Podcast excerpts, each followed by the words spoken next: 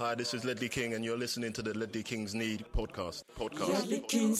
Konsekvent, inkonsekvent Det bästa som någonsin hänt Du kommer aldrig bli dig själv igen min vän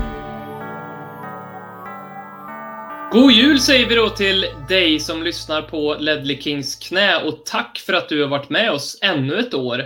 Om jag har räknat rätt så är det här vårt 46 avsnitt i år. Nästan ett i veckan under det här pissåret 2020. Det är ju helt otroligt. Tack för att ni är med oss. Eh, vi längtar såklart som ni redan till nästa år eftersom precis allting kommer att lösa sig och bli bättre bara vi får gå in i ett nytt kalenderår. På tal om bra saker så Musikhjälpen. Eh, Tottenham Sveriges insamling eh, som vi hade tillsammans med Tottenham Sweden nådde över 30 000. Det är en dubblering från förra året. Det räckte inte hela vägen för att eh, bräcka sekten och mellancheferna får man hatten av till Liverpool som samlade in 48 000 kronor. Vi samlade alltså in i skrivande stund 30 107 kronor nu när Musikhjälpen har stängt. Eh, övriga noteringar Arsenal, Sweden 9000, Manchester United 3 500, Chelsea har inte ens en bössa. Vem är förvånad?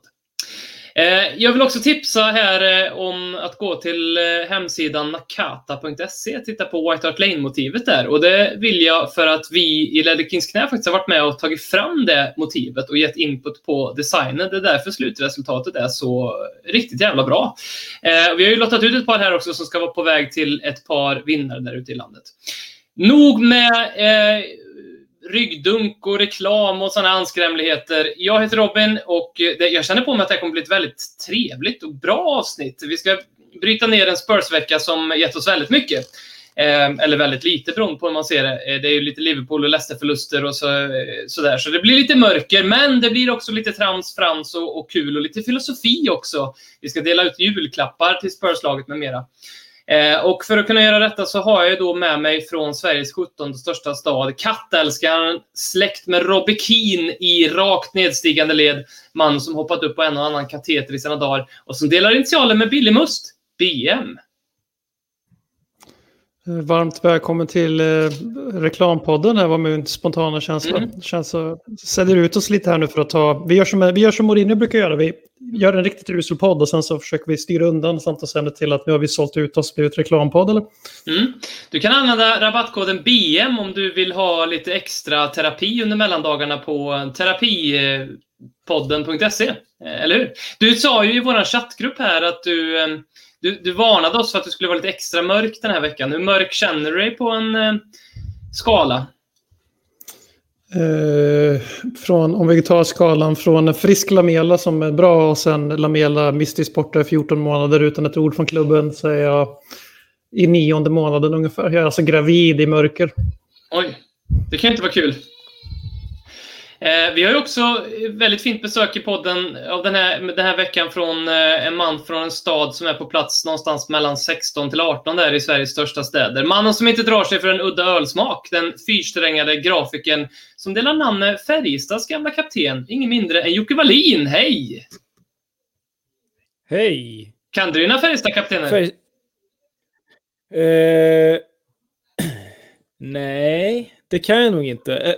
Eh eh, eh, vad hette han som eh, typ eh, kallade Tommy Salo för tjockis? Var han, spelade ja, han jajamän. Han gjorde, spelade förresten Nassar också tror jag. Per Ledin. Ja, Per Ledin. Mm. Just det. Ja.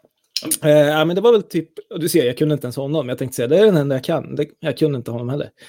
Det är möjligt att han har varit kapten, men den jag tänkte på var Rickard Wallin. Okej, okay, ja. Mm. var länge sedan jag var investerad i eh, hockey. Ja, ja jag med. Det har inte gått så bra på Färjestad. Jag är ju en sån här klassisk, eh, väldigt hängiven Färjestad-supporter. Så att jag ju, brukar ju kolla från ungefär match sju i semifinalerna och framåt när Färjestad spelar. Eh, om mm. de gör det. Eh, hur mörk känner du dig den här veckan?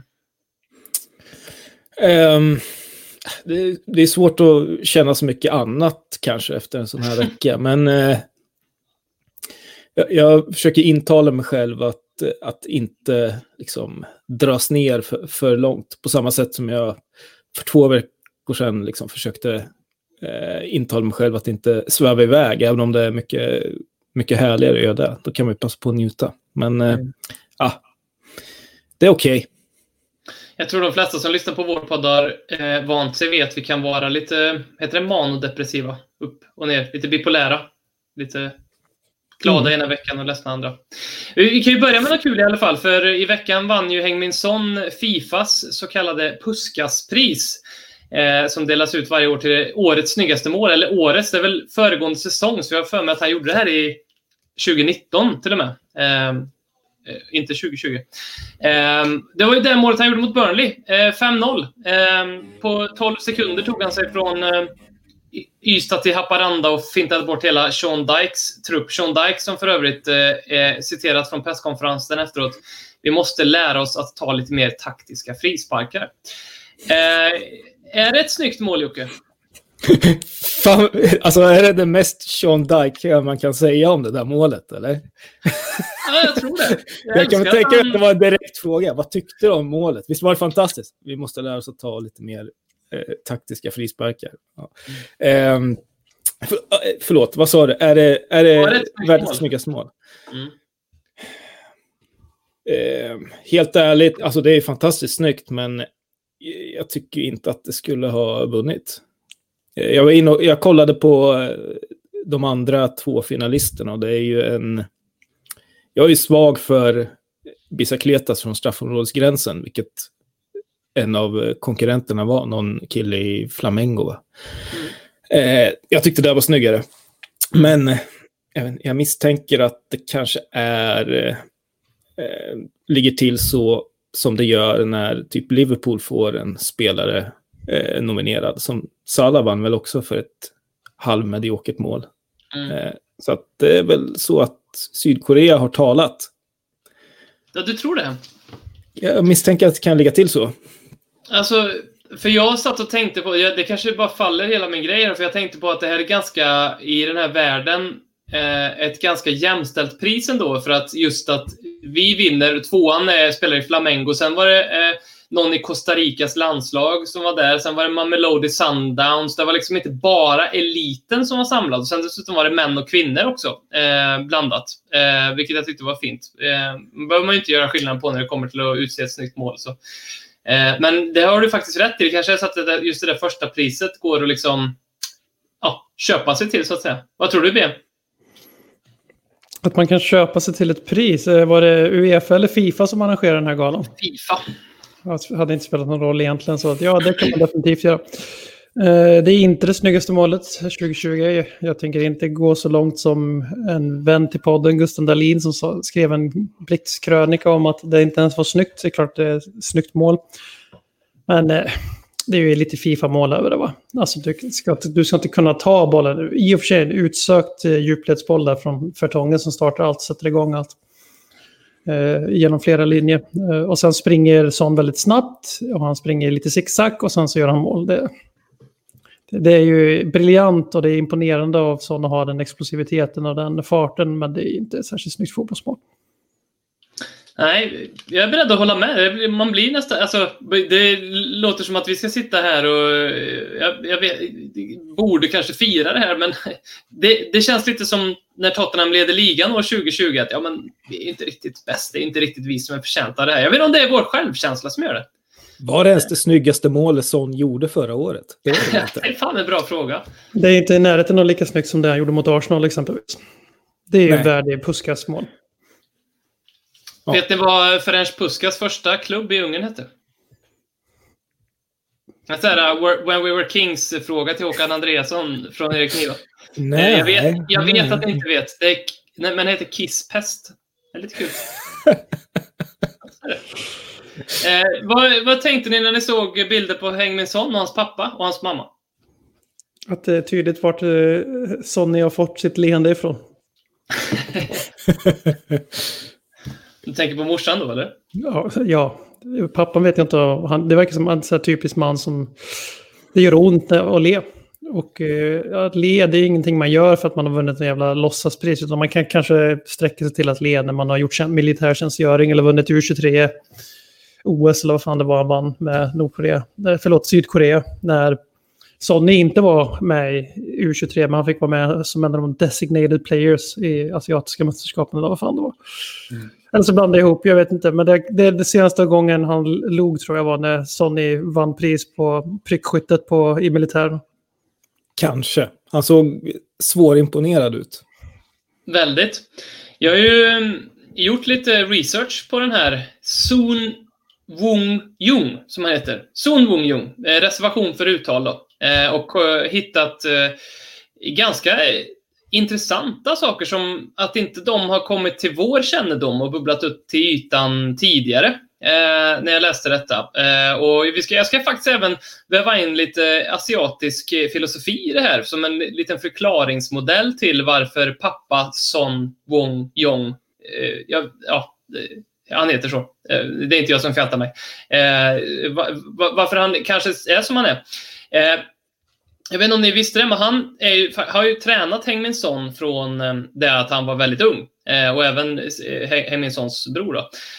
Och ehm, hade själv ett förflutet som fotbollsspelare, så han har till och med en Wikipedia-sida. Och det finns faktiskt, när man såg bild på honom så tänkte man det här är ju typ det tredje fotot han någonsin har tagit i sitt liv förutom bröllopsfoto och körkortsfoto. Men nej då, han har haft en liten karriär ändå. Eh, drömde om att få spela i Tyskland, fick aldrig chansen. Så då sadlade han om istället när han fick sina barn och gjorde som så många andra föräldrar och valde att leva ut eh, genom eh, eh, sin, sina söner. Eh, bland annat då, han tillät inte sina söner att spela med andra eh, barn eller unga förrän de var runt 13-14 år, för han ville skola dem ordentligt eh, fotbollsmässigt först. Då. Eh, så det som Heng Son och hans brorsa då fick eh, serverat, det var sex timmars pass med 100% fotboll och sen fyra timmars pass med bara trixning. Eh, alltså, och det, detta har Hengminsson sagt i efterhand att det var det som gjorde att jag blev tvåfotad, vilket ju faktiskt man får tillskriva pappa Son Wong Jung lite grann, i hans eh, eh, speciella skola. När, den, eh, när det gick bra för Hengminsson sådär, eh, så tyckte ju såklart pappa att det var kul och så fick han lite hybris eh, som sig bör så att han startade en fotbollsskola. Så nu, just nu driver han faktiskt en skola i Sydkorea, i Chuncheon, där eh, Min är född. Eh, där han eh, kör den här, tillämpar den här otroligt strikta och hårda eh, teknik, taktiken. Och anmärkningsvärt när, eh, jag tror det var Evening Standard var där och gjorde ett reportage med honom, så säger han till journalisten Ja, jag slår dem lite grann då och då när de inte lyder. Jag vet att det är någonting som ni europeer har lite svårt att förstå, men det är vad jag gör i alla fall. Eh, så det kan man göra om man eh, skulle vilja ja, eh, bli bättre på att trixa eller bara allmänt inför korpen förbättra sitt fotbollsspel. Sticka till Shenzhen och, och gå i skola hos pappa Son Wung Jung. Ehm, och eh, vi fick ju då i veckan Ganska intressant detta från Karin. Hon skickade ett, eh, en artikel eh, om konfucianism. Nej, konfucianism. Konfucianism. Eh, fan, hjälp mig be vad heter det? Kom. Uh, mysticism. Mystici vet, har du stött på Konfucius många gånger? Det är ju klart du har, du är ju historielärare. Han är med i ett quiz som jag gör i början av terminen och exakt eh, noll elever har någonsin hört talas om. Om jag minns rätt så är väl han egentligen upphovsman till Bibeln.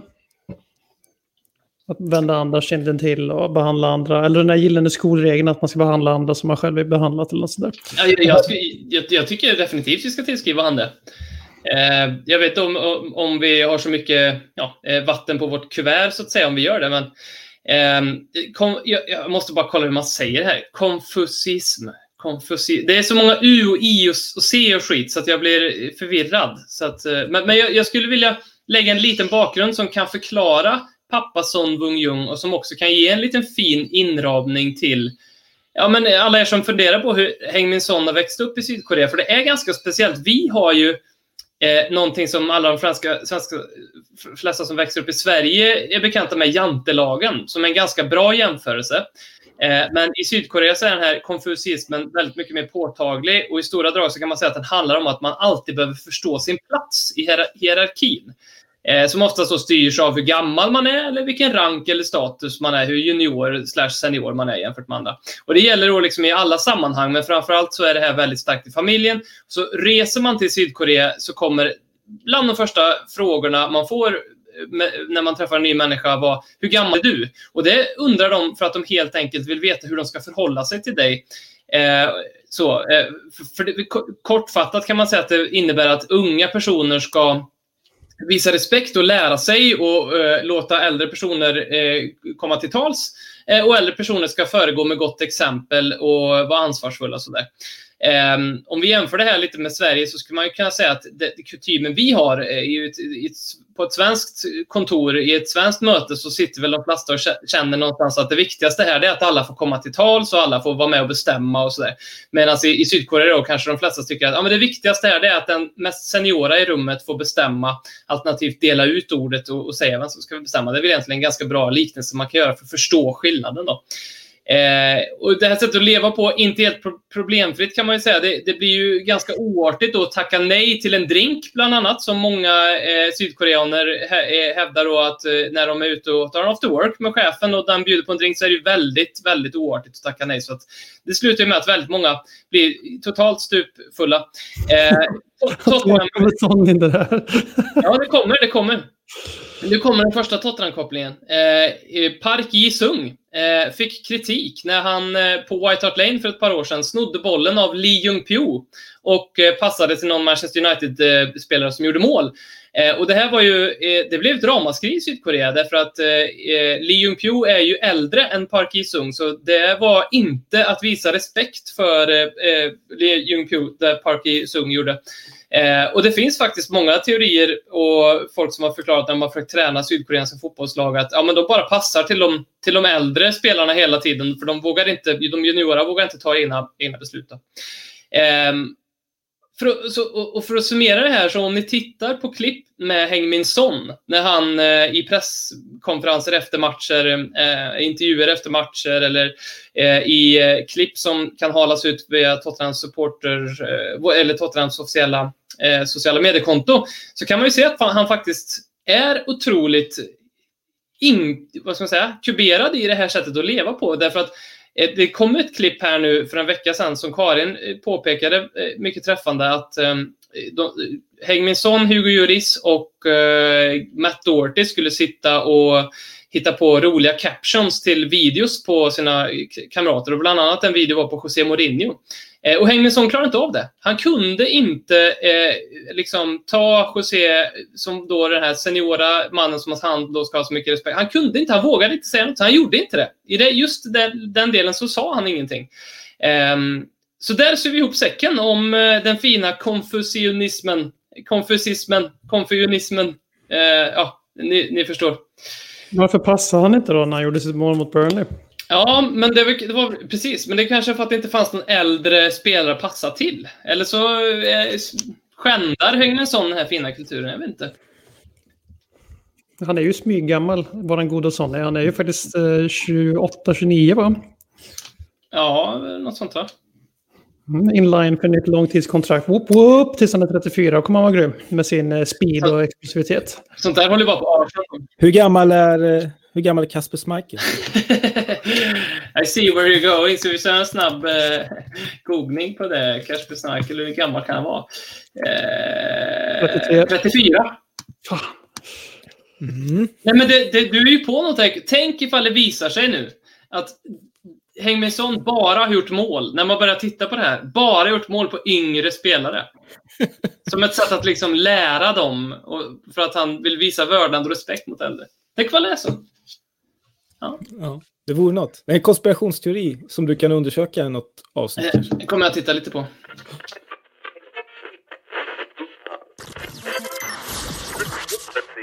Du lyssnar på Ledley Kings knä. Du kommer aldrig bli dig själv igen. Du ser eh, sugen på att prata mörker ut, BM. Eh, vi eh, har ju förlorat här mot Liverpool och Leicester. Kan du sammanfatta dina känslor efter de här två matcherna?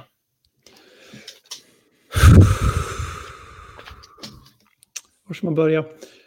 Eh, det är ganska tråkigt att heja på Tottenham när man förlorar. Eh, jag förstår varför alla som någonsin har haft José Mourinho som manager eh, framstår som Glory Hunter-supportrar. Och ett, för att han är jävligt framgångsrik ofta i sina klubbar. Två, för att det är svårt att stå bakom när det blåser eftersom att det finns inte så mycket att hänga upp det, det positiva i. Eh, på ett sätt är det också att man ska hämta in så här billig plockfrukt från äppelträden och så. För det har, varit, det har varit ganska hett i Tottenham-leden senaste veckor om hur jävla bra José Mourinho har gjort allting. Eh, och eh, många har använt det som ett tillfälle att ta in billiga poäng på företrädare. Eh, så vi kan ju minnas de här tre veckorna eller två, tre omgångarna där vi var top of the League eller var med där och slogs. Men jag vill påpeka då att nu med våra två raka förluster här och en poäng på senaste tre eller vad det är, eh, en vinst senaste fem matcherna, så är det ju faktiskt så att vi kan ju liksom ligga elva i stort sett om vi förlorar mot Wolves. Det är inte riktigt, det är inte särskilt sannolikt. Det är kanske tionde platsen till och med vi kan ramla ner till som absolut värst om alla resultat går fel.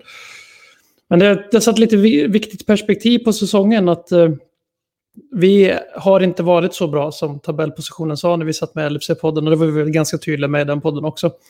Eh, de också för den delen, men eh, vi med. Att eh, vi har inte varit Englands bästa lag. Vi har inte, jag skulle kunna sträcka mig till att vi kanske är tredje bäst fortfarande, skulle jag vilja hävda. Eh, allt som allt. Eh, men vi uppenbarligen så har vi ju ingen, vår lägsta nivå är för låg. Vi vinner inte matchen mot sämre lag till att börja med. Eh, alla våra poängtapp fram till nu, de senaste veckorna, var ju i stort sett sådana. Och vi har vi har ingen plan B. Och det, det, blir liksom smärtsamt tydligt så fort vi förlorar att det finns inget, ingenting, någonting som, ingenting händer automatiskt. Men jag tror personligen att det här inte beror så jävla mycket på José Mourinho i sig. Eh, han har valt en väg, det får man respektera, det är vår väg, det är så vi vill gå. Eh, men det som jag tycker vi har gjort bort oss är att vi har bränt för mycket energi i truppen redan. Jag tyckte det märktes mot Leicester, vi kan komma in på. Och sen också att vi har haft så obefintlig rotation. Så att vi, våra truppspelare, vi ska ju föreställa ha en bred trupp. Kanske den bästa truppen vi någonsin har haft på papper. Förmodligen så är det det. Eh, men eh, vi byter in spelare som Gareth Bale, Lucas Mora och Steven Birdman blev inte inbytt den här gången. Men Della Lee var inte ens med i nio avbytare. Vi har en ganska bred trupp, men varenda spelare som byts in gör laget markant sämre.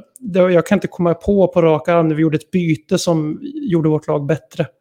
Jag räknar inte byten där vi byter in Ben Davis med 20 minuter kvar i North London Derby när vi leder med två bollar.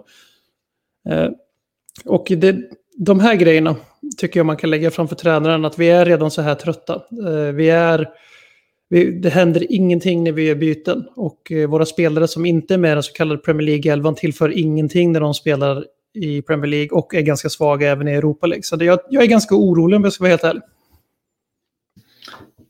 Jocke? Roterar vi för dåligt och är du orolig? Uh, ja, lite orolig är jag. Uh, och jag har också funderat på det där med att vi inte utnyttjar den breda trupp vi har. Den breda trupp vi har. Eh, och att det känns ju lite som att José inte litar på eh, spelarna utöver de här, vad ska vi säga, 14 ordinarie spelarna, om man ska säga. Eh, och han är, jag ska säga, nu, det låter som att jag kritiserar honom, men så är det inte riktigt. Men han har sin väldigt tydliga eh, bild av hur vi ska spela och är inte beredd att justera eh, spelsystemet för att eh, eh de roterande spelarna ska liksom passa in bättre. Han, han justerar inte spelsystemet efter deras styrkor när de kommer in, utan eh, ibland så liksom tvingas han trycka in eh, fyrkantiga eh, eh, klossar i runda hål. Liksom. Och då pass, det funkar ju inte. Vilket gör att det ser riktigt dåligt ut när man gör ett byte. Och eh, han känner nog att han inte liksom vågar jag vågar inte lita på de spelarna igen. Eh, till Vad exempel... borde han göra istället? Förlåt? Vad borde han göra istället? Jag vet inte. Eh, som B är inne på att vi saknar en plan B, liksom. någonting att ta till när det inte funkar att spela som, som vi helst av allt vill göra. Det tror jag inte är eh, något som är unikt för Tottenham. Jag tror att de allra flesta lag eh, har det, eller problemet, är, jag vet inte om det kan sägas vara ett problem när typ, det, det, finns väl otroligt få lag som faktiskt kan ställa om och spela på flera olika sätt. Liksom. Man kan göra små justeringar här och där och förändra en matchbild. Men det är inte så många som kan fullt ut behärska flera olika spelsystem. Så att det kan vi inte förvänta oss att, att vi ska göra heller. Ehm. Eh, men jag vet inte, vad ska vi göra? Jag, jag tycker att det, det, borde finnas några fler spelare som kan komma in och göra en skillnad. Till exempel Vinicius har, tycker jag, fått alldeles för lite tid i, i ligan. Um, han, han borde passa hyfsat bra ändå uh, i systemet. Um, men så, ja, jag vet inte. Jag, jag, tror att han kanske måste liksom måste anpassa spelet lite efter, efter de spelare som kommer in. Eh, faktiskt. BM, det finns de som ställer sig frågan, eh, däribland jag, är det här så Mourinho vill spela? Eller är det så han ser på det att det här är det bästa vi kan göra med just den här truppen? Vad tror du? Eh, jag tror att det, det, ena inte utesluter det andra. Eh, jag tror han ser det på båda de sätt. Han vill spela så här. Han har alltid spelat så här. Real Madrid är väl undantaget. Eh, när han spelar, de spelar lite mer framåtlutat. Men han vill ligga lågt, eller lågt. Så inte, vi ska inte överdriva heller. Alltså vi, det som händer i vårt försvarsspel är att vi går ner på en sexbackslinje och sjunker och absorberar motståndarnas bollinnehav. Det funkar ganska bra mot alla lag hittills. Vill jag faktiskt, alla lag har av någon form av, alltså lag som kommer till och möter oss som vill spela fotboll. Har det funkat ganska bra mot allihopa, förutom första halvlek mot Liverpool och första halvlek mot Leicester. Eh, eh, så har det, det har ju varit effektivt. Vi, det, vi har känt som att vi är i kontroll. Jag tycker vi är i kontroll i andra halvlek på Anfield också på, utifrån vårt sätt att spela på.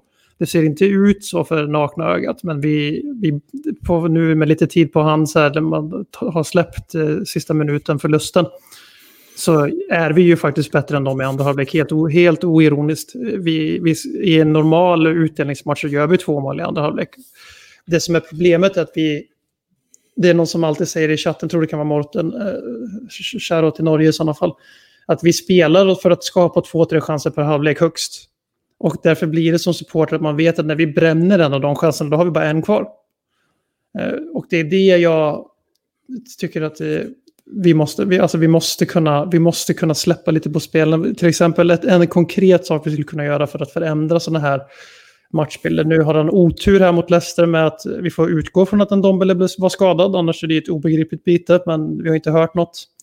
Eh, Gio blev skadad en minut innan andra halvlek. Han har redan valt att göra ett offensivt byte då för att ta in Bale för att få till en offensiv spelare till. Och så antar vi att Gio är den som ska ta en Dombele-rollen liksom och spelfördela. Eh, det håller i en minut, sen går Gio sönder. Det, det kan han inte riktigt gardera sig mot. Men då gör han ett otroligt felbeslut. Och det är att han tar in en till sån. Vi har, då har vi tre stycken sån. Vi har den riktiga sån och så har vi två bleka, bleka kopior och sån på plan. Eh, och så har vi Harry Kane som ska servera dem allihopa. Eh, sen på mittfältet så ska, ska Höjbjer och Sissoko som har ett enormt jävla defensivt ansvar i vårt lag.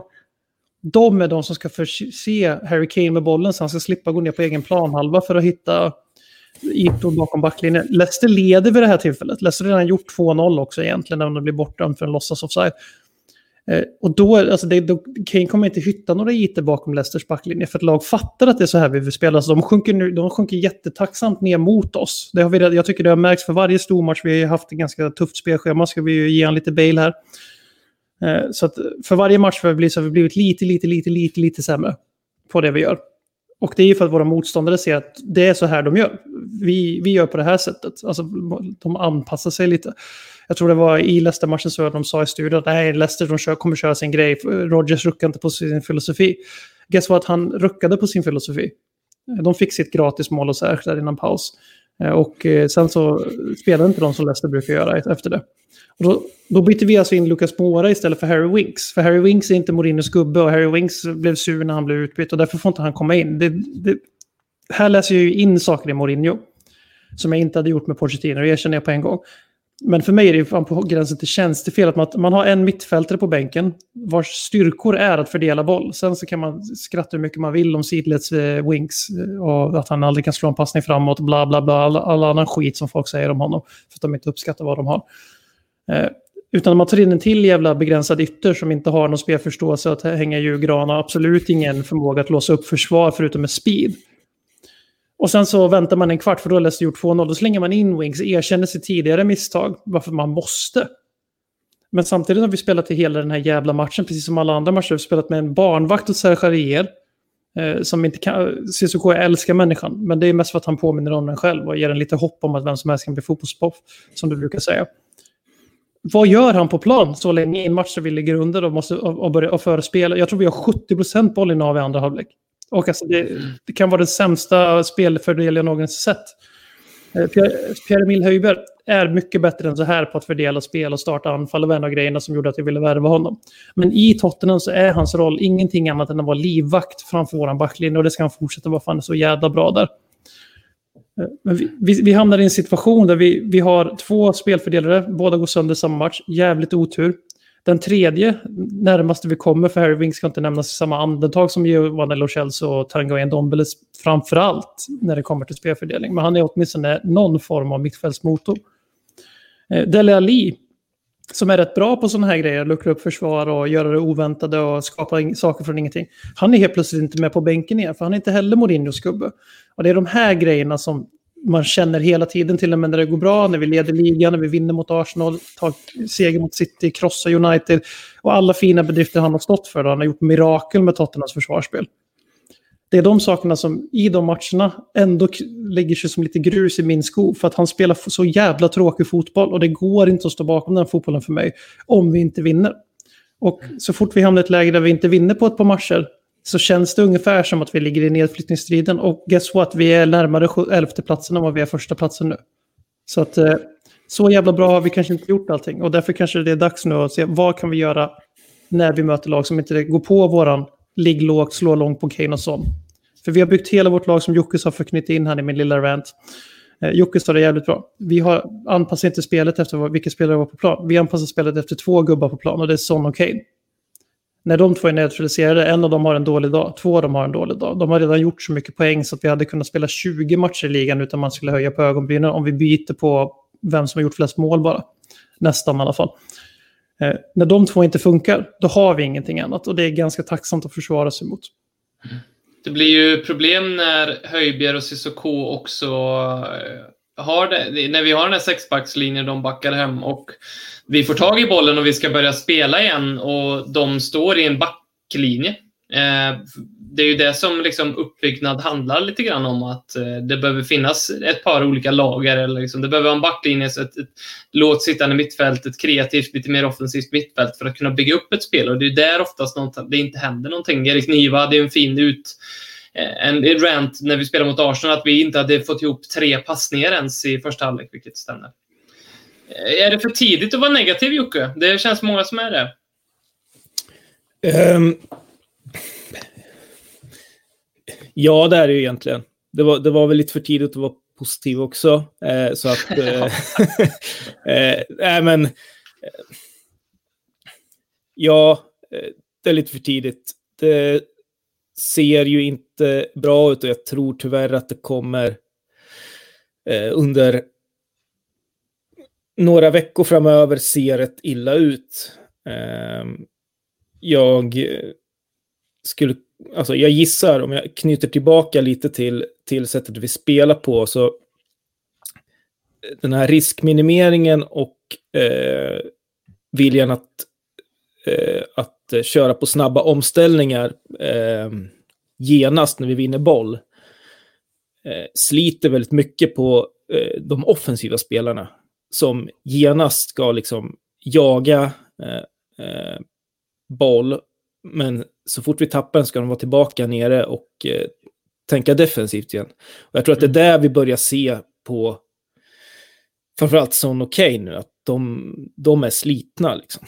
Mm. Eh, och ja, jag, jag, är inte alls förvånad om eh, någon av dem går sönder ja, innan nyår eller strax efter nyår. Eh, och vi, då kommer det bli ytterligare eh, strul i maskineriet.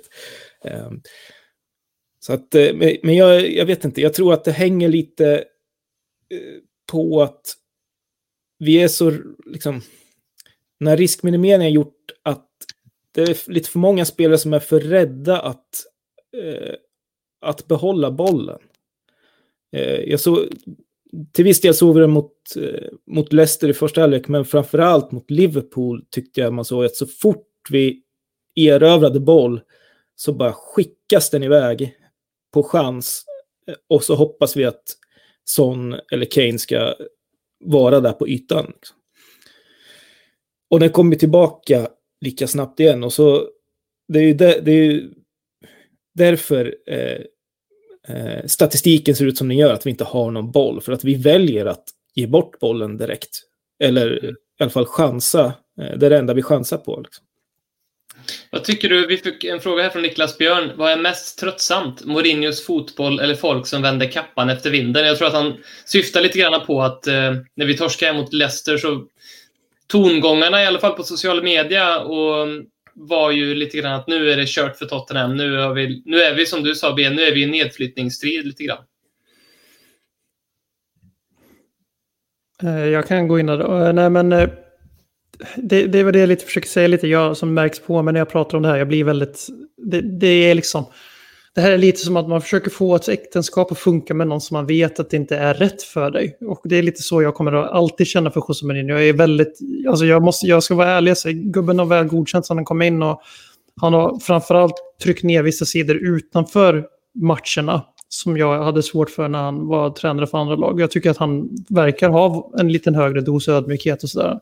Han pratar om att han vill stanna i Tottenham eh, länge. Att han vill att det ska bli hans liksom, lag.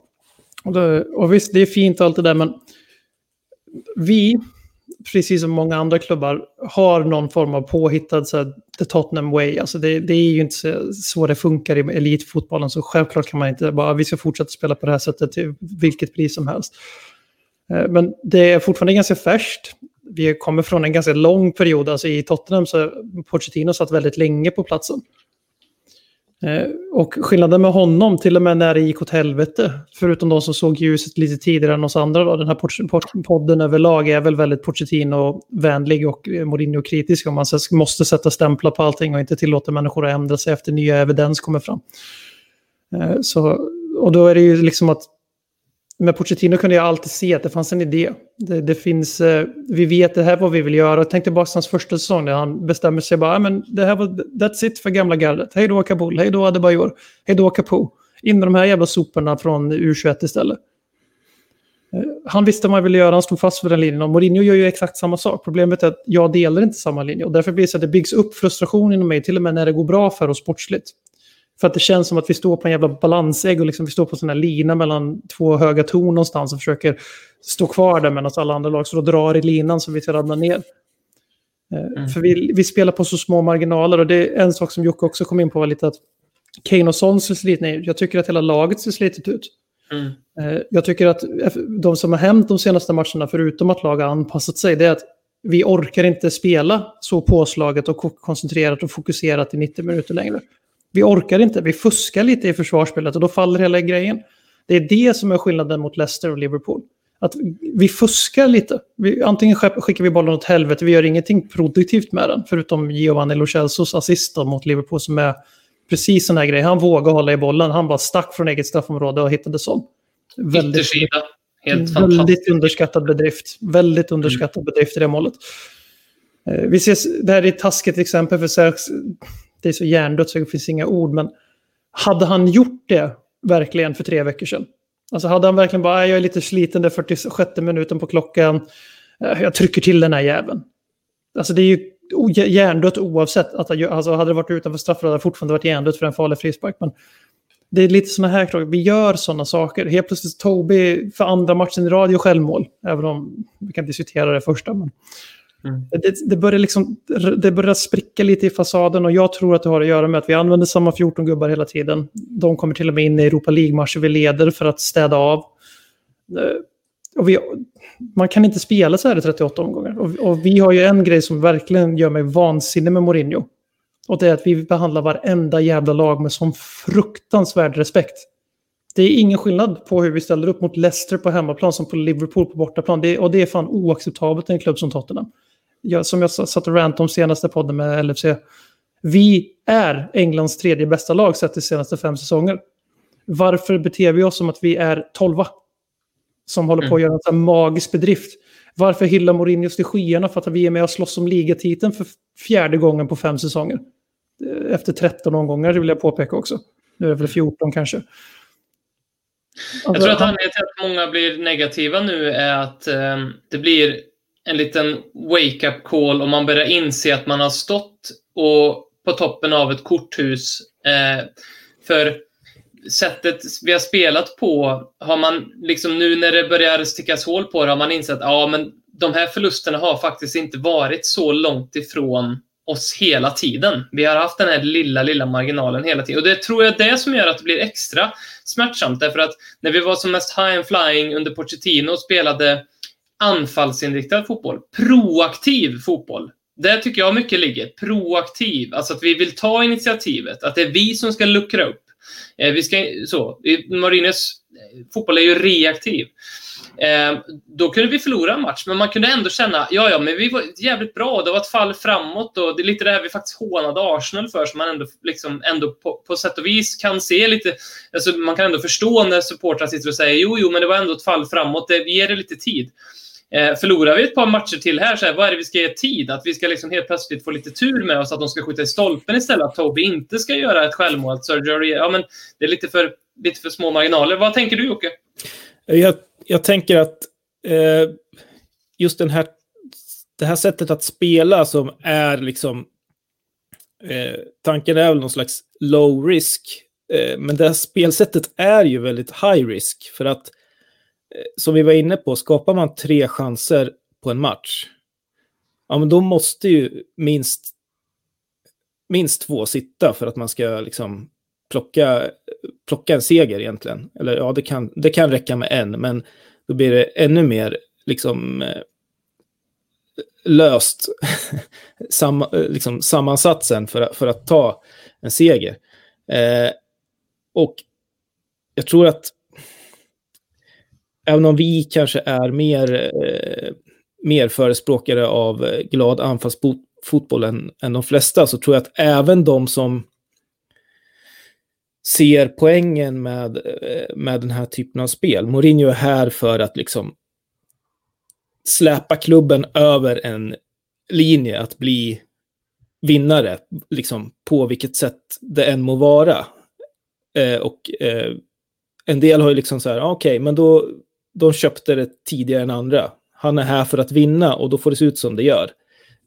Även de tror jag kanske har någonstans långt bak i i huvudet fortfarande att eh, ja, det är ju inte kul att titta på, men vinner vi så är det okej. Okay. Och så, kan jag, så kunde jag också känna vissa matcher, eller till exempel derbyt, jag skiter i hur det går till. Eh, det är inte kul, men vi vinner, fine. Men om man spelar så och sen dessutom åker på en eh, nick på en fast situation i 90 liksom, och förlorar eller torskar hemma mot Leicester, då blir det liksom dubbelt så jävla illa att förlora de matcherna. För då har du inte fått någonting för att du har suttit och gått igenom det där i 90 minuter. Så att det blir liksom en dubbelsmäll att behöva eh, acceptera. Man, kan, man finns ingenting att plocka med sig förutom resultat. Det är skillnaden på progressiv fotboll och reaktiv fotboll. Mm. I mitt sätt att se på det. Och, alla ju, och sen ska man ju, en sak man kan tycka, Mourinho har ändå fått Eh, väldigt många ganska snabbt och tro på väldigt stora saker, vilket vi ska vara ärliga och säga, det trodde man inte när han kom in. Eh, och man trodde inte det inför säsongen. Det var liksom, om jag minns inte vad vi snackade om för när säsongen började riktigt, men jag kan tänka mig att vi sa någonting, se, men vinner vi en cup och når Champions League, det vore en fantastisk säsong. Eh, för, för ända fram till Leicester-matchen så det är ju alldeles för långt kvar eftersom det är just tio lag. Liverpool har redan vunnit den här skiten nu så de, de kommer jogga hem den nu. Men från lag två till elva så är det ju faktiskt så att alla de lagen är högst, högst, högst seriösa Champions League-aspiranter den här säsongen. Framförallt eftersom att de lagen som inte har något Europaspel i år har en sån enorm jävla fördel för matchschemat är ju helt jävla vansinnigt. Eh, och därför är det så att han fick ju folk att tro på kanske större saker än vad vi kanske egentligen var redo för. Och det är ju en, ett hedersbetyg till honom. Att man faktiskt satt, jag satt här och sa, fan är vi fortfarande med efter Wolves när vi har mött top, den så kallade topp 8 som vi ändå får lov att säga. Det finns väl Big Six och så Leicester och Wolves och eller Everton beroende på. Eh, argumentativt kanske Leicester är Big Six nu istället för Arsenal, men det är en annan diskussion. Eh, men att hade vi överlevt det här spelschemat, liksom var vi fortfarande med och slogs med Liverpool efter de matcherna, då hade man ju på riktigt bara, okej, okay, vi kan fan vinna ligan i år. Mm. Och det är ju faktiskt den besvikelsen man sitter här i också. Nej, vi kunde inte vinna ligan i år heller. Vi kunde inte utnyttja det här once in a lifetime opportunity där Manchester City är pissusla för att mm. vara Manchester City. Och Liverpool är väldigt, väldigt beskedliga för att vara Liverpool senaste åren det, det, man kände fan det här kanske var vår enda chans. Så det är också den besvikelsen. Då får man lägga till Pochettinos två pallplatser. Som också är en som ligger och grir i en såklart. Ja, så det är hoppet som han tände ja. i oss. Liksom. Så det, det, är mm. inte bara Mourinhos fel här, utan det är också mycket besvikelse som kommer från år av supporterskap. Och att han redan fick en att tänka på det i år är ju ändå slutande ganska gott betyg för honom. Sen, mm. ja. Ja, eh, om ni eh, inte har eh börjat att eh, fundera på de stora frågorna i livet eh, efter den här podden, då vet jag inte. Eh, vi pratade ju om en filosof, Konfucius och hans konfus, konfucianism. Helvete! Skulle förberett det. Konfucianism. Konfucianism. Från en tänkare till en annan. Ben Davis. Ja. Vi har ju ett nytt segment som vi kallar för Här har du ditt liv, din jävel. Och det här är ett sånt segment som vi har tagit oss lite vatten över huvudet för det kräver att vi behöver sitta och göra en hel del research. Eh, så att förvänta er nu inte att detta eh, segment ska komma vecka ut och vecka in. Vi ska göra vårt bästa eh, för att det ska göra det. Men Anton gjorde oss påminna om att vi borde ta tag i det här igen. Och han föreslog också Ben Davis och som vi brukar säga, Antons vilja är lag. Så vi rullar jingel för Här har du ditt liv din jävel och så får BM skörda lite ljus på Ben Davis. Vem var han innan Tottenham egentligen?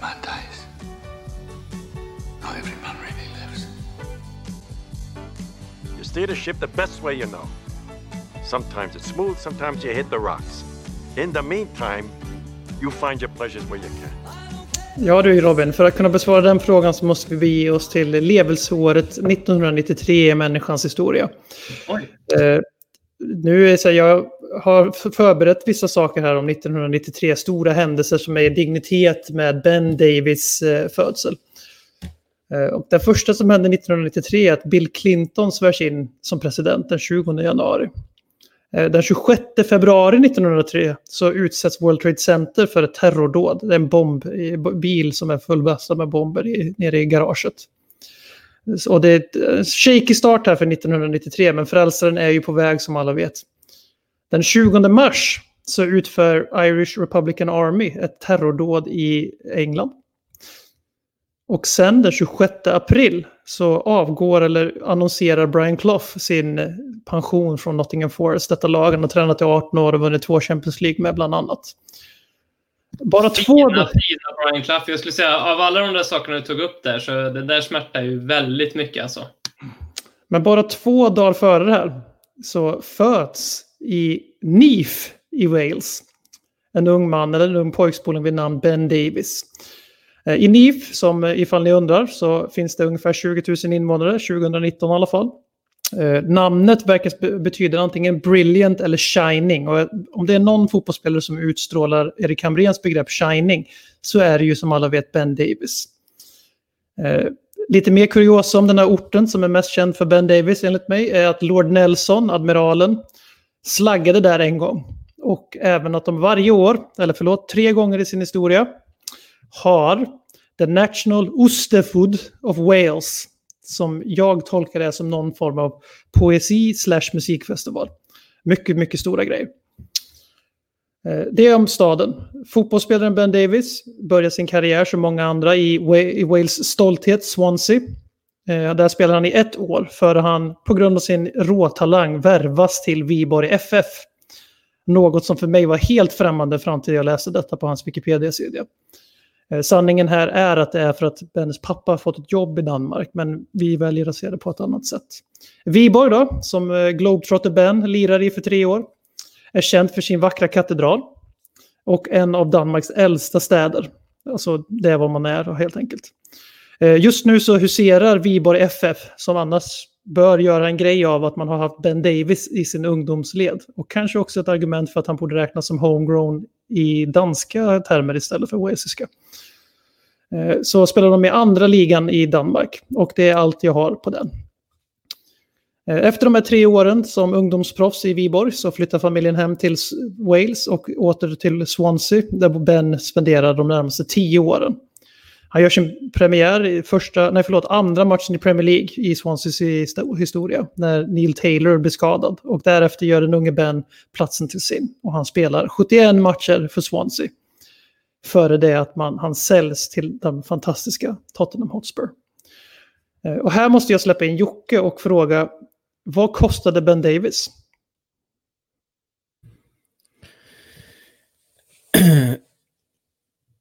Ben Davis eh, kostade en, en halv eh, Gylfi Sigurdsson. Så det var en...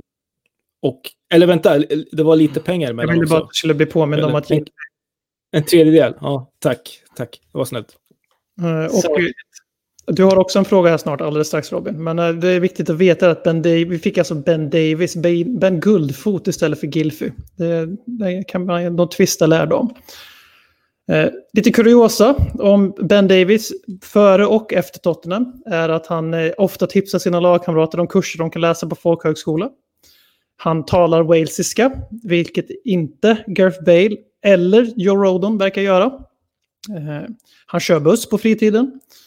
Och eh, hans favoritrestaurang i London är Odets som har 4,6 på Google Review, 4,5 på Tripadvisor och han gillar att hänga i Primrose Hill. Robin, är Ben Davis en storstadskille? det här med att han kör buss, va? Berätta. Det här är ju någonting som Perros Pågar har gjort i sin grej. Till det kanske är, det Robert Folin som har myntat det här begreppet? ben Davis är um, på inga sätt en storstadskille. Nej. Han, uh, nej, jag tror att han... Nästa steg för honom kommer ju vara, han kommer ju be sin agent, eh, som ju säkert är någon form av så här gammal eh, dekan han haft på något eh, universitet någonstans, eh, om att leta upp så en lantlig idyll som även har en fotbollsplan som kan gå dit, kan jag tänka mig. Så att han bara får andas ut all den här eh, koldioxiden han har förtärt all, allt för länge. Har han en agent? Är vi säkra på det? Det känns annars som en kille som förhandlar Han, han har kanske ett gäng som han kallar för sin järntrust som han skypar med en gång i veckan som utbyter idéer. Ja. ja. det skulle i sådana fall vara Christian Eriksen. Nu förstår man ju varför de hade en bra relation. Eric Dyer, Sonny och... Eh, eh Michel Worm. Michel Worm, ja. Mm. Järntrusten. Jag tror, det är ganska, jag tror det är ganska djupt i den där järntrusten. Eric Dyer verkar ju också mycket säkert på Ben Davis inrådan, men eh, vara engagerad både i politiska och sociala frågor vid sidan av fotbollen. Christian mm. Eriksson också kanske. Det är kanske därför han skitit i att fixa regain-frillan. Eh, nu. Inte haft tid med det. Han har grubblat så mycket. Han har mycket tid till det. Till mm. saker vid sidan av fotbollen. Nej, men eh, när man söker på Ben Davis då kan jag bara avslöja här att man, på hans Wikipedia-sida står det typ ingenting om privatpersonen. Eh, Däremot lyckades jag hitta 35 minuter intervju gjord av Football Association Wales. Eh, där mycket av den här informationen kommer ifrån. Eh, framförallt den här favoritrestaurangen och eh, vad han tycker om att leva i en storstad, vilket han då inte gillar. Utan han är, Eh, som ni kan gissa, en väldigt chill person, en väldigt laid back person som bara spelar golf maj till september. Typ gjorde lite narr av eh, Gareth Bale. Det här var före Bale kom tillbaka till Tottenham. Eh, och han eh, sa ungefär 15-20 gånger i den här intervjun att han tycker om att göra ingenting när han är ledig. Alltså, kommer ni ihåg när det här, den här bilden på honom läckte från hans hem när han satt och skypade eh, och han satt med sin hund i knät. Vi, så, så. Och så det som var spännande med den bilden var att han hade en bokhylla såklart bakom sig med böcker. en av sakerna han hade i bokhyllan, det var en sån här porrmask. Som inte är en porrmask, men en sån här mask som han har på sig. Ni vet, ehm, eh, Stanley Kubrick-filmen, vad heter den? Tro mig, Eh. vi tänker inte hjälpa dig ut ur den här snåran du har pratat med. Nicole Kidman och eh, Tom Cruise. Jag trodde du skulle börja prata om vinflaskorna. I, Ja, men- i, men nej, du, du såg något, något annat. Eh, Vad heter I, Ja, Ice, fortsätt White. Shut? Ice White Shut. Um, såna där um, glasögon som man har, inte glasögon, en sån här mask som man har bara för eh, ögon och näsa. Eh, som de har i den i filmen, i, i vilda sexfester. Eh, en sån mask var... Det, det finns ju såklart andra on, alltså, användningsområden för en sån mask. Ibland har man den bara när man går på en eh, fest helt enkelt. För, för att så. Men, men i, de, i den filmen. Eh, men, men ja, Breaking. Ben Davis går på vilda sexfester. Eh, det, det måste ju alltid finnas någonting med en, med en människa. Alltså, jag menar, alltså även leta bland alla era bibliotekarievänner och liksom, eh, så, folk som samlar på frimärken. Någonting lite, lite spännande och lite kryddstarkt finns det ju där. Och det fanns det, fanns det. Och kryddstarkt på tal om vinerna också, Ben Davis. Så. Mm. Han kanske bara har den där när han sitter hemma och gör ingenting. Jag känner i alla fall spontant att jag gillar Ben Davis mycket mer när jag insåg att han var barnproffs i Viborg. Där han, Ja. och det glömde jag säga, han spelade faktiskt flygande målvakt då när de spelade inomhus och så. Och han tror att det är därför han är så duktig att läsa spelet, eftersom han fick inte använda händerna.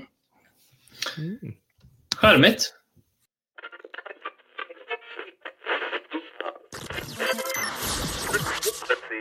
Du lyssnar på Ledley Kings knä. Billigare än terapi, roligare än knark. Jag funderar på om vi ska dela ut lite julklappar. Ho, ho, ho. Vill du börja BM? Du som ändå har eh, ångan Jag känner, nu har jag väl pratat de senaste 20 minuterna på podden, så vi, men jag kan, ta, jag kan dra mina. Eh, stor, big surprise. Till Gareth Bale från BM. Mm. En tidsmaskin. ja, det är bra. Alternativt en enkelbiljett till Madrid. Mm. Också bra. Han får ju dock inte lämna Storbritannien nu. Där har du ett problem. Han...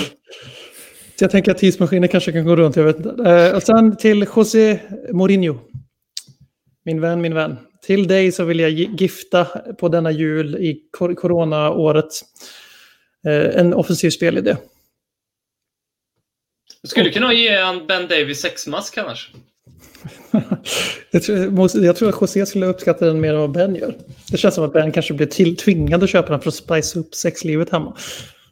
Mm. Eh, Erik Lamela får också en julklapp av BM. Vad skulle jag annars vara för Lamelas vän? Och eh, av eh, BM så får Erik Lamela en fullt funktionell fo- kropp. För gud vad vi behöver den människan i vårt lag. Alltid och oavsett. Ja, vi, det var lite statistik som rullade så här att han, vi förlorar inte utan honom nu helt plötsligt.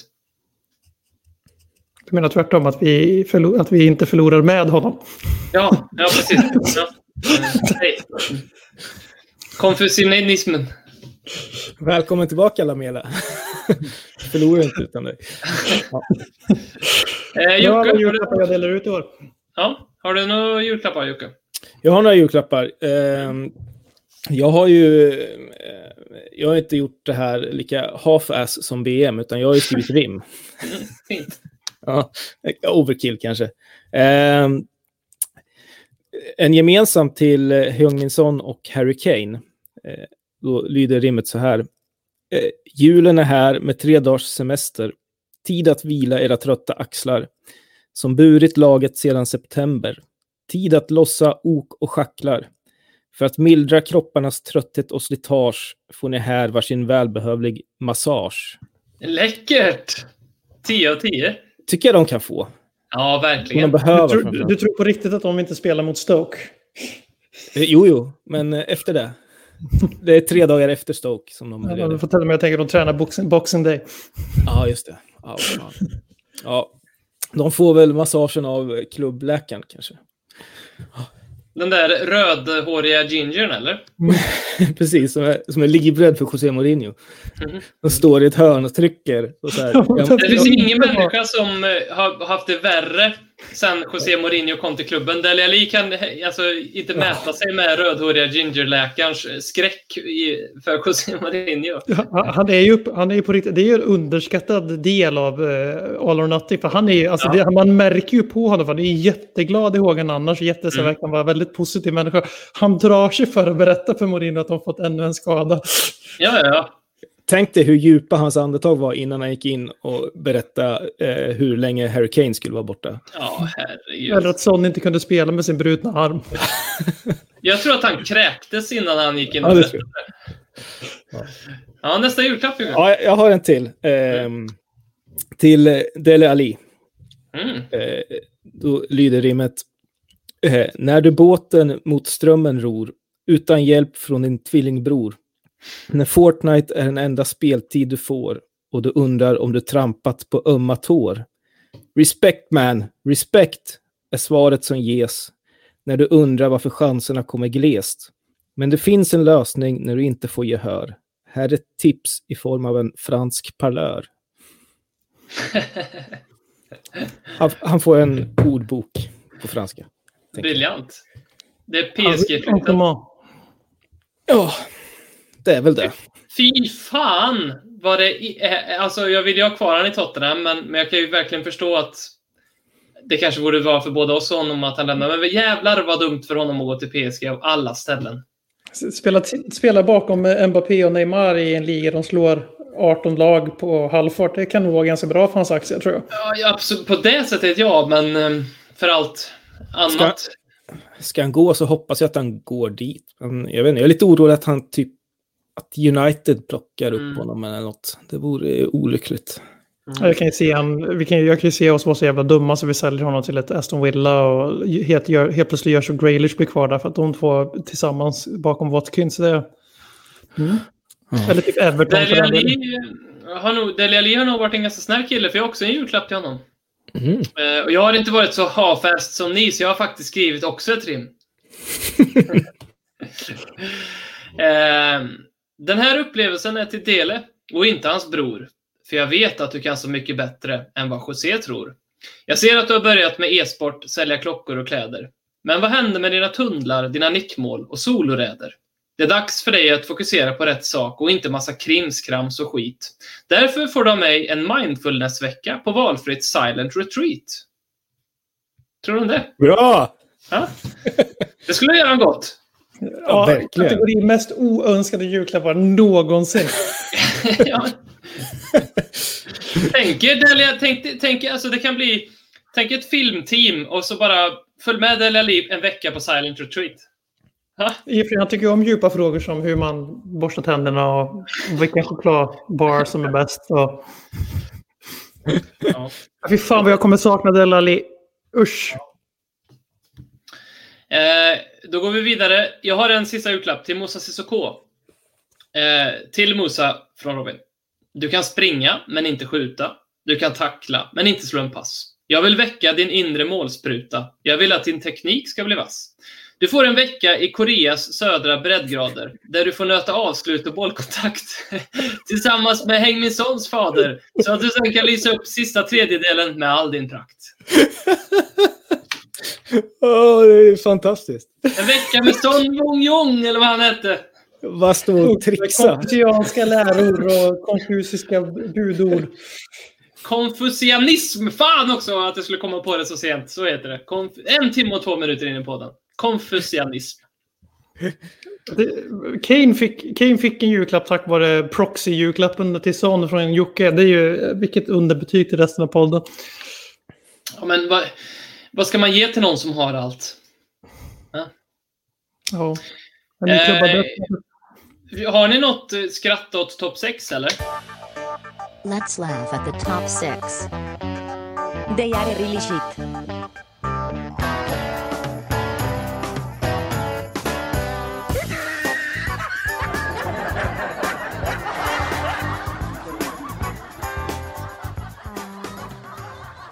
Eh, Alltså var, var ska man börja? Alltså det, jag hade egentligen tänkt att skratta åt oss själva som jag ville påpeka förra veckan. Fick vi ju hat för att vi inte skrattade oss, åt, åt topp 6-lag. Men vi skrattar åt oss själva och det räknas ju. Mm. Men eh, jag tar bort det enkla, må, eh, enkla målet här och skrattar inte åt Tottenham. Och vår idéfattiga fotboll och hur vi har vänt från att top of the League till att nu är det nedflyttningsstrid. Utan jag väljer att eh, lyfta fram en man, ju namn Mikael Arteta, som i ett utlägg idag var det va? Eller om det var igår. Där han pratade om matcher från förra säsongen och vilken statistisk chans det var att Arsenal vann den matchen.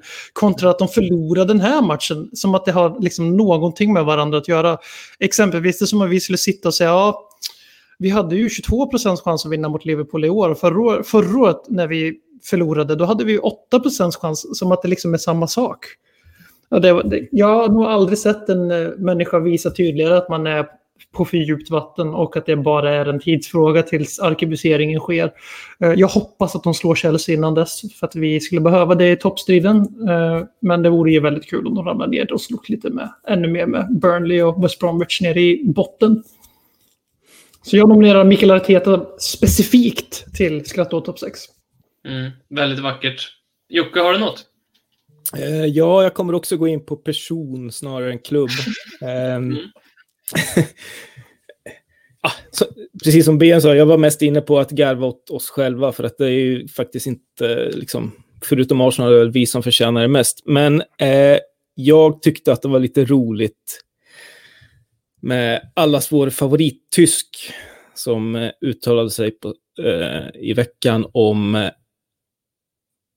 han är lite sur på de tio klubbar som röstade ner förslaget om eh, fem avbytare per match.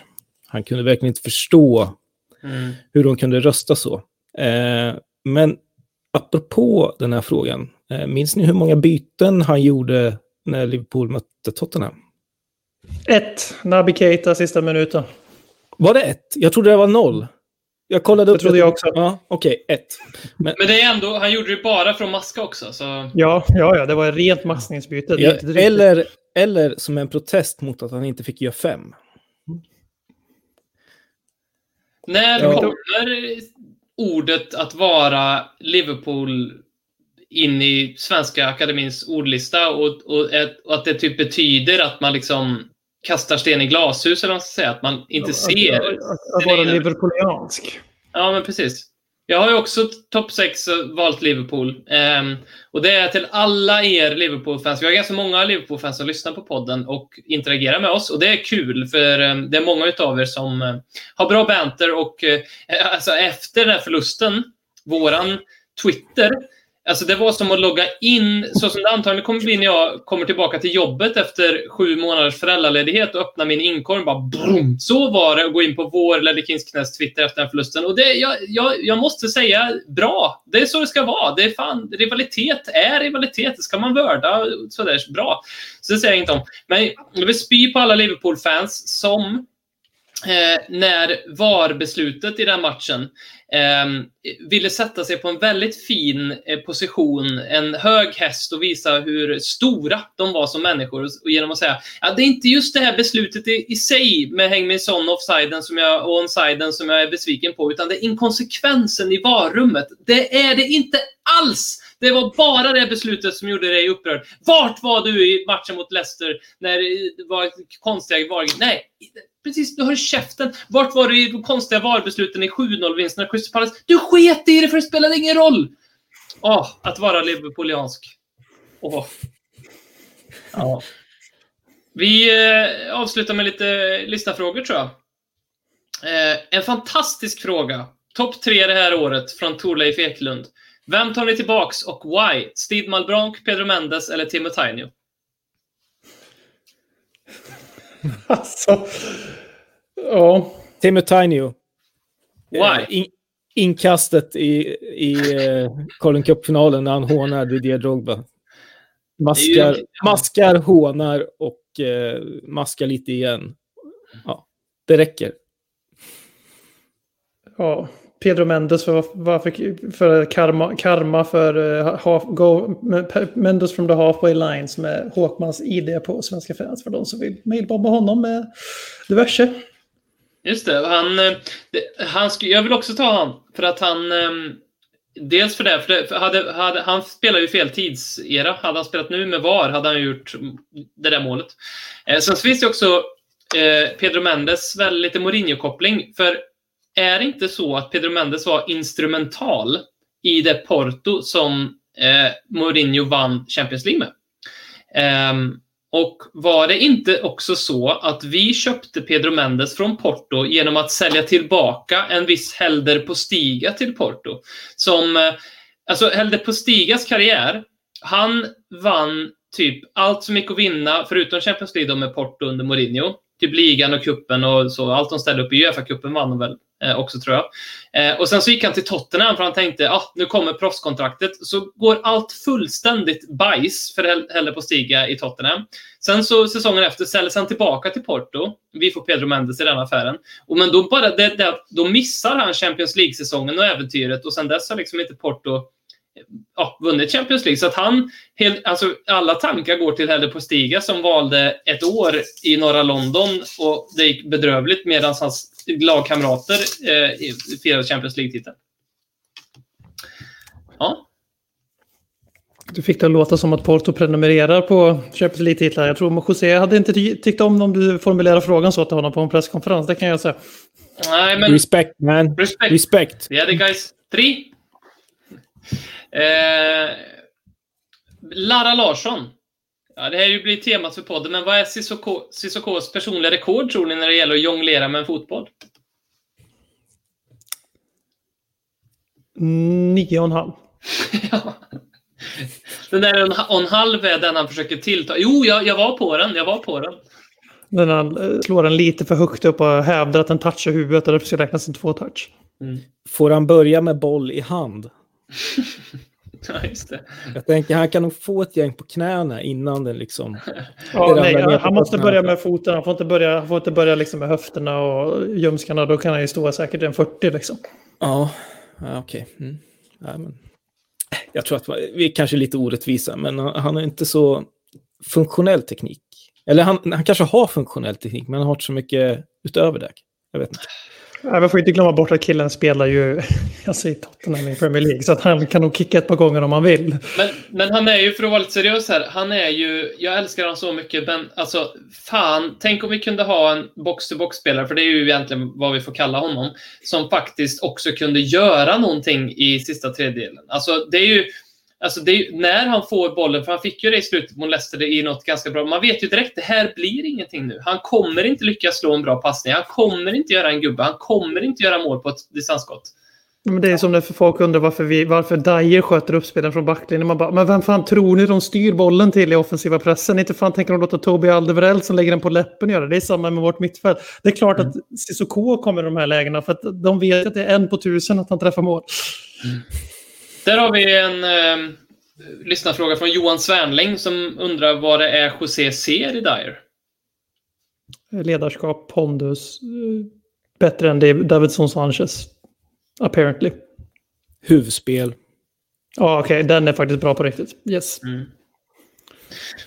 Jag tycker ju lite grann att Eric Dyer är den enda vinnaren egentligen i relationen här. För han var, var det till Pochettino han sa att han ville bli mittback. Um, och till Gareth Southgate i samma vevas, tror jag han sa det, när båda envirades med han spelade som defensiv mitt. Och sen så blev han ju faktiskt mittback och sen så fick han ju ett nytt kontrakt här i somras väl med Tottenham. Så att han har ju liksom bara skördat allting, men Tottenham känns inte som att vi har vunnit så mycket på Erik Dyer senaste tiden, tycker jag. Jag tror vi kan uppgradera honom faktiskt. Det är nog planen. Mm. Cissoko och Dyer som vi har pratat om hittills i frågorna. Fint av våra lyssnare att det är de spelarna de lyfter fram. Det, det, det, det, säger, det, det, det är det man gillar. Inga så jävla tråkiga Kane hit, Son dit. Liksom, utan man vill prata om de här lite mer obskyra gubbarna. Mm. Nej, men det är väl de två vi ämnar att ersätta i startelvan kan jag tänka mig. På, på tal om den frågan, Nestor undrar vilka... Vi var inne på det förut, men vi behöver visa att vi har den bredaste truppen någonsin? Frågetecken. Vilka från Europafrysen ska in? Ja, eh, alla mot Stoke antar jag. Mm. Eh, uppesittarkväll. Eh, vad var det vi sa? Att om de fick Håkman att gå med på det så skulle vi sitta. Ja, uppepripsarkväll kallar vi det för. Mm. Vi får väl se. Vi får se. Nej, men eh, vilka ska in? Vinicius. Ja, Mm. han, är, han, är, han är först in. Mm. Sen, alltså, vad fan ska det vara? Alltså, det är, dockan lär väl ligga väl, till hans. Jag tror inte Mourinho, även om han skyddade sig efter, efter insatsen. Eh, jag tror inte att han har förlåtit det misstaget. För det är verkligen, alltså, det är verkligen ett för oförlåtligt misstag. Alltså. Det, finns, det finns ingenting som ursäktar att göra någon sån grej. Eh, och det kostar oss tre poäng. Jag tror, vi vinner, jag tror helt ärligt vi vinner mot Leicester om inte, om inte han... Nu låter jag som Arteta här, förlåt. Men jag tror vi vinner den matchen om inte han gör, bestämmer sig för att ge dem en straff. Så dockan får väl på så här automatiskt, men det är ju inte för att han har gjort sig förtjänt av det. Och det är ju det här som är problemet. Ingen gör sig förtjänt av någonting, för de spelar verkligen bara Europa League ihop. Och de spelar 8-9 gubbar för första gången tillsammans, eller för andra gången kanske. Liksom. Eh, så det är väl bara Vinicius just nu. Men jag skulle gärna vilja se att eh, vi börjar att blanda lite. Att det kanske inte måste vara Cissoko och Höjberg som häng, dubbelt hänglås varenda ligamatch. Utan man kanske kan testa Wings i ligan framför de två istället för att av någon oförklarlig anledning sätta dem bakom Höjbjerg och, och Cissoko som han gjorde även mot Leicester. Del Ali ska rakt in i startelvan på onsdag. Han ska rakt in i startelvan eh, mot eh, Wolves också om han eh, gör helt okej. Det är helt för mig obegripligt att alla andra får springa runt på den tredje anfallspositionen men inte han. Det, det är ganska tydligt vad det beror på. Eh, Lamela går väl rakt in före honom också säkert. Han har inte spelat på ett halvår nu men. Eh, det är de, Wings, Delle och eh, eh, av, av Vinicius. Det är de enda tre jag är intresserad av just nu. Mm. Fram, ja, framförallt Delle tycker jag. Eh, verkligen. Det, jag vet inte, det, det kanske finns en liten mikroskopisk chans på något sätt att han gör det så pass bra så att Mourinho inte kan hålla honom utanför. Men eh, ja, man kan väl hoppas på det. Ja, det är lite upp till bevis nu känner jag för Mourinhos meritokrati som han ju Mm. satte tidigt först. Eh, som ju egentligen med facit i hand nu, Tanguy Ndombele, möjligtvis Lamela. också Lamela, Sergio Rier. Eh, strunta nu i sista matchen för han har faktiskt höjt sig rejält. Det är väl de tre främst som har, eh, tack vare den, eh, fått spela mer. Och då kan jag tycka både Matt Doherty eh, borde, borde få visa sig mer och ja, Dele också då. Vet ni, vet, vet ni vad som är vilken eh, asiatisk filosofi som eh, där meritokrati är väldigt känne, ett av kännetecknen? Konfucianism. Ja! Då knyter vi ihop säcken. Konfucianismen. Vet ni vad... Vet ni vad... Sorry. Va? ko- Konfucianismen. Konfucianismen. Kanske. Det, lå- det låter som eh, något av typ eh, lagen vi kunde ha lottats mot i Europa League. ja, det gör det. Vet ni vad som är motsatsen till en meritokrati? Aristokrati. Såklart. Aristokrati. Faktiskt. Det är ju, och det är ju också för att knyta upp säcken vad vi är. Tottenham. Vi är aristokrater. Och José Mourinho är en fotbollsaristokrat. Verkligen. Ehm, så att konfus, konfucianismen eh, kanske inte kan eh, leva särskilt länge i, i, i Tottenham. Eh, vi får väl se. Hur ska ni fira jul då? Eh, förhoppningsvis med en semifinalsplats i Carabao. Annars så vet jag inte, jag ställer nog in jul annars. Eh, ja, jag vet inte. Kanske... Kanske titta på Stoke-matchen i efterhand. Du har blivit expert på det där. Ja. Jag tycker så synd om dig. Jag, ser, jag har liksom gått igenom hela sorgen över både Liverpool och Leicester-matcherna. Och sen så ser jag på kvällen när du skriver i chattgruppen. Ja, nu ska jag kolla reprisen. Det var, det var tungt igår kan jag säga. Att, eh, att liksom läsa igenom allt vad alla skrev om matchen och inse hur jävla uselt det skulle vara. Och sen så här bara, då är det dags att kolla då, nu kör vi. Det är ju starkt att du gör det. Det tycker jag. Det, det var faktiskt ganska bra också för att det var inte så illa som jag, som jag trodde efter att ha läst allas omdömen. Jag, det, det jag tog med mig var att första fyra var vi fantastiskt bra. Mm. Mm. Ja, faktiskt. Fyra och en halv minuter kanske till och med. Sista fem fram till Sergi i första halvlek är vi också rätt vassa. Mm. Så att det finns, det finns ljusglimtar. Mm. Om man kollar. Men Robin, hur ser du fira jul nu då? Ehm, I Åmål. Eh, hos eh, min svärmor och svärfar. Älskar Åmål. Tycker jättemycket om Åmål. Eh, och sen kanske också nere i eh, Onsala hos min syster. Allt det här är ju väldigt, väldigt eh, om det går med alla inblandades hälsa och ingen får vara lite snorig och så här saker. Så i värsta fall, så, eller i värsta fall, men då blir det bara vi här hemma. Och Stoke. Så att säga. Ja. Och lite Prips. Vi ska avsluta med en julhälsning. Eh, vad heter den Jocke? Liv... Livis... Den heter väl Livy kanske? Ja, det heter den. Ja. Den eh, kommer här och så får vi önska alla våra lyssnare en riktigt god jul och tack för att ni är med oss. Midvinternattens köld är hård. Stjärnorna gnistra och glimma. Alla sova på Hotspur Way djupt under midnattstimma. Månen vandrar sin tysta ban. Snön lyser vit på fur och gran. Snön lyser vit på taken. Endast Livy är vaken. Står där så grå vid omklädningsrumsdörr. Grå mot den vita driva. Tittar som många vintrar förr upp emot månens skiva.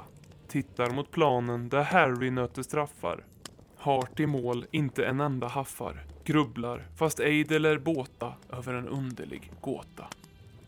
För sin hand genom skägg och före detta hår. Skakar på huvud och hetta. Nej, den gåtan är alltför svår. Nej, jag gissar ej detta. Slår som han plägar inom kort. Slika spörjande tankar bort. Går att ordna och pyssla, går att sköta sin syssla. Går till kontor och managerhus, känner på alla låsen. Liten ponny drömma vid månens ljus, titeldrömmar vid båsen. Glömsk av Madrid och pisk och töm. Gareth på greenen har och en dröm. Klubban han lutar över, sänker bollen för birdie. Går till stängslet till akademin, ser hur de sova där inne. Går till arenan där tuppen står, stolt på sin höga pinne. Ledley i N17 mår gott, vaknar och viftar handen smått. Ledley sin chairman känner, de är goda vänner. Livy smyger sig sist att se, Skywalken den kära. Länge och väl han kämpat att uppföra den i sin ära. Över räcket han sen på tå sträcker sig för att utsikten nå. Inget må Skywalkern förtrycka, det är hans största lycka. Så får han syn på den, Emirates, tyst och tom som på dagen. Trots att dyra spelare lejts har de svårt mot de flesta lagen. Tabelltapp följde på tabelltapp snart. Blomstrande, åldrades sjönk. Men vart? Gåtan som icke låter. Gissa sig, kom så åter. Livy vandrar till arenans loft, där han har corporate suit. Högt upp på läktaren i ostrummets doft, platsen för klubbens elit. Nu är väl ägarens boning tom, men till våren med blad och blom kommer nog Joe Louis tillbaka, följd av sin näpna maka. Då har de mycket att prata om, månget ett färdeminne, intet likväl så om gåtan som rör sig i Livis sinne. Genom ett fönster i svitens vägg lyser månen på Livis skägg. Strimman på huvudet blänker. Livi grubblar och tänker. Tyst är London och nejden all. Livet är ute fruset. Blott från fjärran av Artetas fall höres helt sakta bruset. Livi lyssnar och halvt i dröm tycker sig igen höra Sandstorm spela. Undrar varthän det ska sluta. Stimutlägg får ekonomin att fela. Undrar, måste Häng min son skjuta? Midvinternattens köld är hård. Stjärnorna gnistrar och glimma. Alla sova på Hotspur Way, gott in till morgontimma. Månen sänker sin tysta ban. Snön lyser vit på fur och gran. Snön lyser vit på taken. Endast Livy är vaken.